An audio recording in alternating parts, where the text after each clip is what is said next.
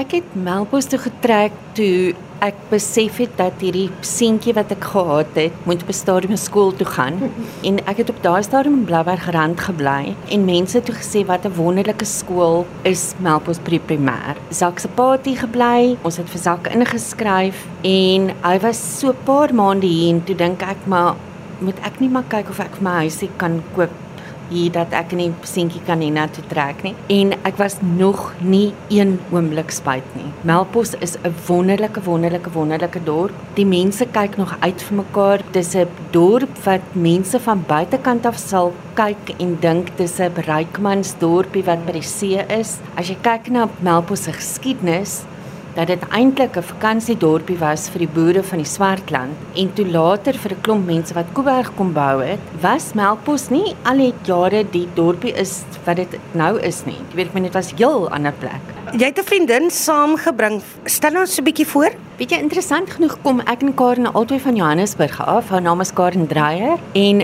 Karen is baie betrokke by omtrent alles. 'n Tyd gelede was daar 'n hartseer voorval waar daar mense wat in 'n karavaanpark bly hier in Melkbos, hulle karavane verloor het. Basies hulle blyplekke verloor het. Hulle is daar uit met die klere aan hulle lyf. Die brand was ek dink 2, 3 die oggend en teen daai middag 6uur, daai volgende dag 6uur, toe moet hulle vir die mense van Melkbos laat weet julle moet asseblief nou ophou stuur.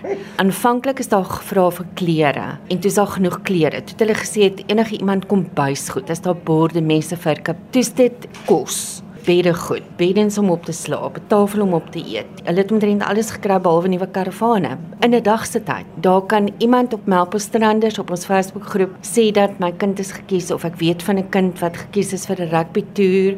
Hy het 'n nommer 6 taks nodig. Het iemand dalk 'n ou paar iewers in 'n kas? Man binne ure daai kind drie splinte nuwe pare taks. Die mense is verskriklik meer lewend. Hulle harte is oop, hulle beursies is oop. Mm. Hulle loop nie op koop daarmee nie. Dis nie mense wat vir jou laat verstaan kyk hoe wonderlik is en kyk hoe help ek of so nie. As daar moet Kerrymans vetkoek gemaak word want daar's 'n groep kinders wat gaan toer. As jy by Karen se kombuis instap, dan is daar iemand wat die vetkoek maak en hier kom 'n vrou in met 'n pot mins, hier kom nog 'n vrou in met 'n pot mins.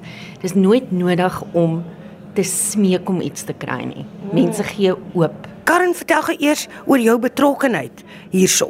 Ja, weet jy, ek het 16 jaar terug as 'n inkomer hiernatoe gekom, maar ek is getroud met iemand wat al baie baie jare se geskiedenis in Melkbos het.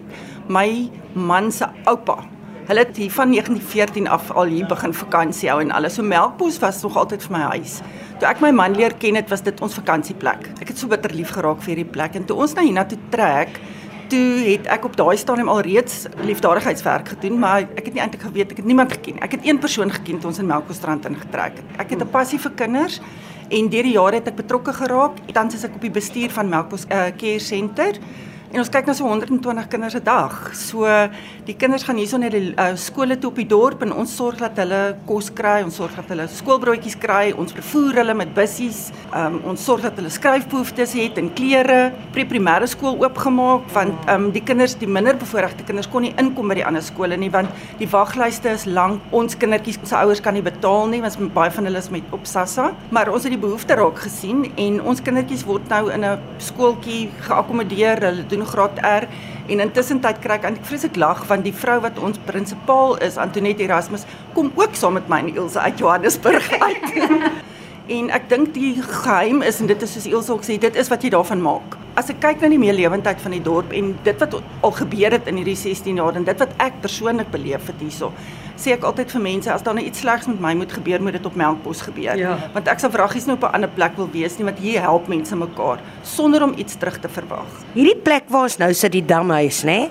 Daar's 'n geskiedenis rondom dit ook. Weet jy iets daarvan of Ilse iets daarvan? Wel, ek weet 'n bietjie daarvan want as gevolg van die feit dat my skoonpa hier vakansie gehou het, hier was 'n varswaterdam voor die damhuis gewees. Hierso, hier's 'n fontein wat nog steeds op die perseel is. Dit is net nou op die stadium toegebou. En die mense het hier kom vakansie hou en dit die damhuis was die enigste plek waar hulle kon vars water kry. So dis hoekom dit die damhuis genoem is. En al die jare het die mense hier gekamp en dit was maar die vakansieplek van die boere. En dan het hulle nou met hulle hele trekkie aangekom en sommer vir 'n maand kom afpak. So die beeste het saamgekom vir melk, die skaap het saamgekom en seker maar op die Kersfeestafel beland. Die hoenders het saamgekom vir eiers. Dit was altyd 'n uittog uit Egipte en dan is hulle weer terug. Ilse, jy het iets gesê van Kuiberg se mense in die skool wat hier begin is. Boonbehalwe nou die boere van die Swartland wat hier kom vakansie hou het, is die volgende groot invloeks van mense was mense van oor die hele wêreld wat gekom het om Kuiberg kragsentrale te kom bou. Baie Franse, baie Duitsers, daai kinders moes skool gegaan het. So die laerskool is te begin in 'n klein klaskamertjie opstaan klaskamertjie en die skool het nou al uitgebou na laerskool van Riebeekstrand wat 'n gesogte skool is in die Wes-Kaap, sterk kultuurskool, sterk akademiese skool Melkbos het intussen nou hulle eie hoërskool gekry. Die laerskool dink ek was omtrent al 32, 33 jaar oud toe die dorp eers sy eerste hoërskool gekry het. In Zakkel se jaar byvoorbeeld, daar's 'n paar van hulle wat medies studeer, wat regte studeer. My kind werk in filmbedryf, dit gaan met hom baie goed. En dis die interessante ding van Melkbos is dat die die Melkbos kinders hou daarvan om terug te kom. Hulle verloor nooit hulle liefde vir die dorp nie. amper soos die land van melk en heuning. Karen, wat sê jy sê is Melkbos nie? Ilse het nou vroeër so ietsie gesê dat dit nie net ryk mense is wat hier woon nie. Vir jou, in jou opinie, wat is Melkbosstrand nie? Dis nie 'n dorp met pretensie nie. Hierso leef mense na in die waarheid. Dis nie altyd 'n gemaklike waarheid nie. Die ding van Melkbos is daar's vlakke en dis maar soos 'n ei, jy skil hom af en daar's allerlei vlakke en goeters wat gebeur. Hier's baie mense wat baie swaar kry. Maar Melkbos is nie 'n harde dorp waar niemand omgee nie. Jy weet elke dorp is 'n dorp, jy weet hy het sy dinge. Maar ek dink wat Melkbos definitief is, is omgee dorp. Wat hy nie is nie is hy's nie 'n dorp wat nie 'n hart het verander nie. Nie met pretensie nie. Kyk, hier's mense wat hier woon wat nie wil hê hulle moet jy moet weet hulle help. Daar's 'n waarheid daaraan. Ek wou hoekom vir jou vra, wat het hier gebeur tydens die pandemie? Melkbos het baie restaurante. Toe die restaurante moet toemaak, toe moet die mense wat in die restaurante werk, het nie noodwendig 'n uh, inkomste gehad nie. En ons by Melkbos Care Centre se situasie was so ons kinders wat ons uh, kos aan voorsien, kon nie kos kry nie. So ons moes 'n plan maak. Ons moes gaan kyk dat ons die kos by die kinders uitkry. En wat toe gebeur het is dat ons deur die sentrum het ons nou maar 'n projek begin wat ons Melkbos Care genoem het en ons het so binne 'n maand 350 000 rand ingesamel en ons het kospakkies gemaak. Ons het letterlik kospakkies gepak en na mense toe geneem. En soos die ding uitgebrei het, het ons dit op 'n meer georganiseerde manier gedoen. Mense kon aansoek doen, maar ons het regtig in die pandemie die mense aan die gang gehou. Um, al was dit nou net met die heel basiese goeder.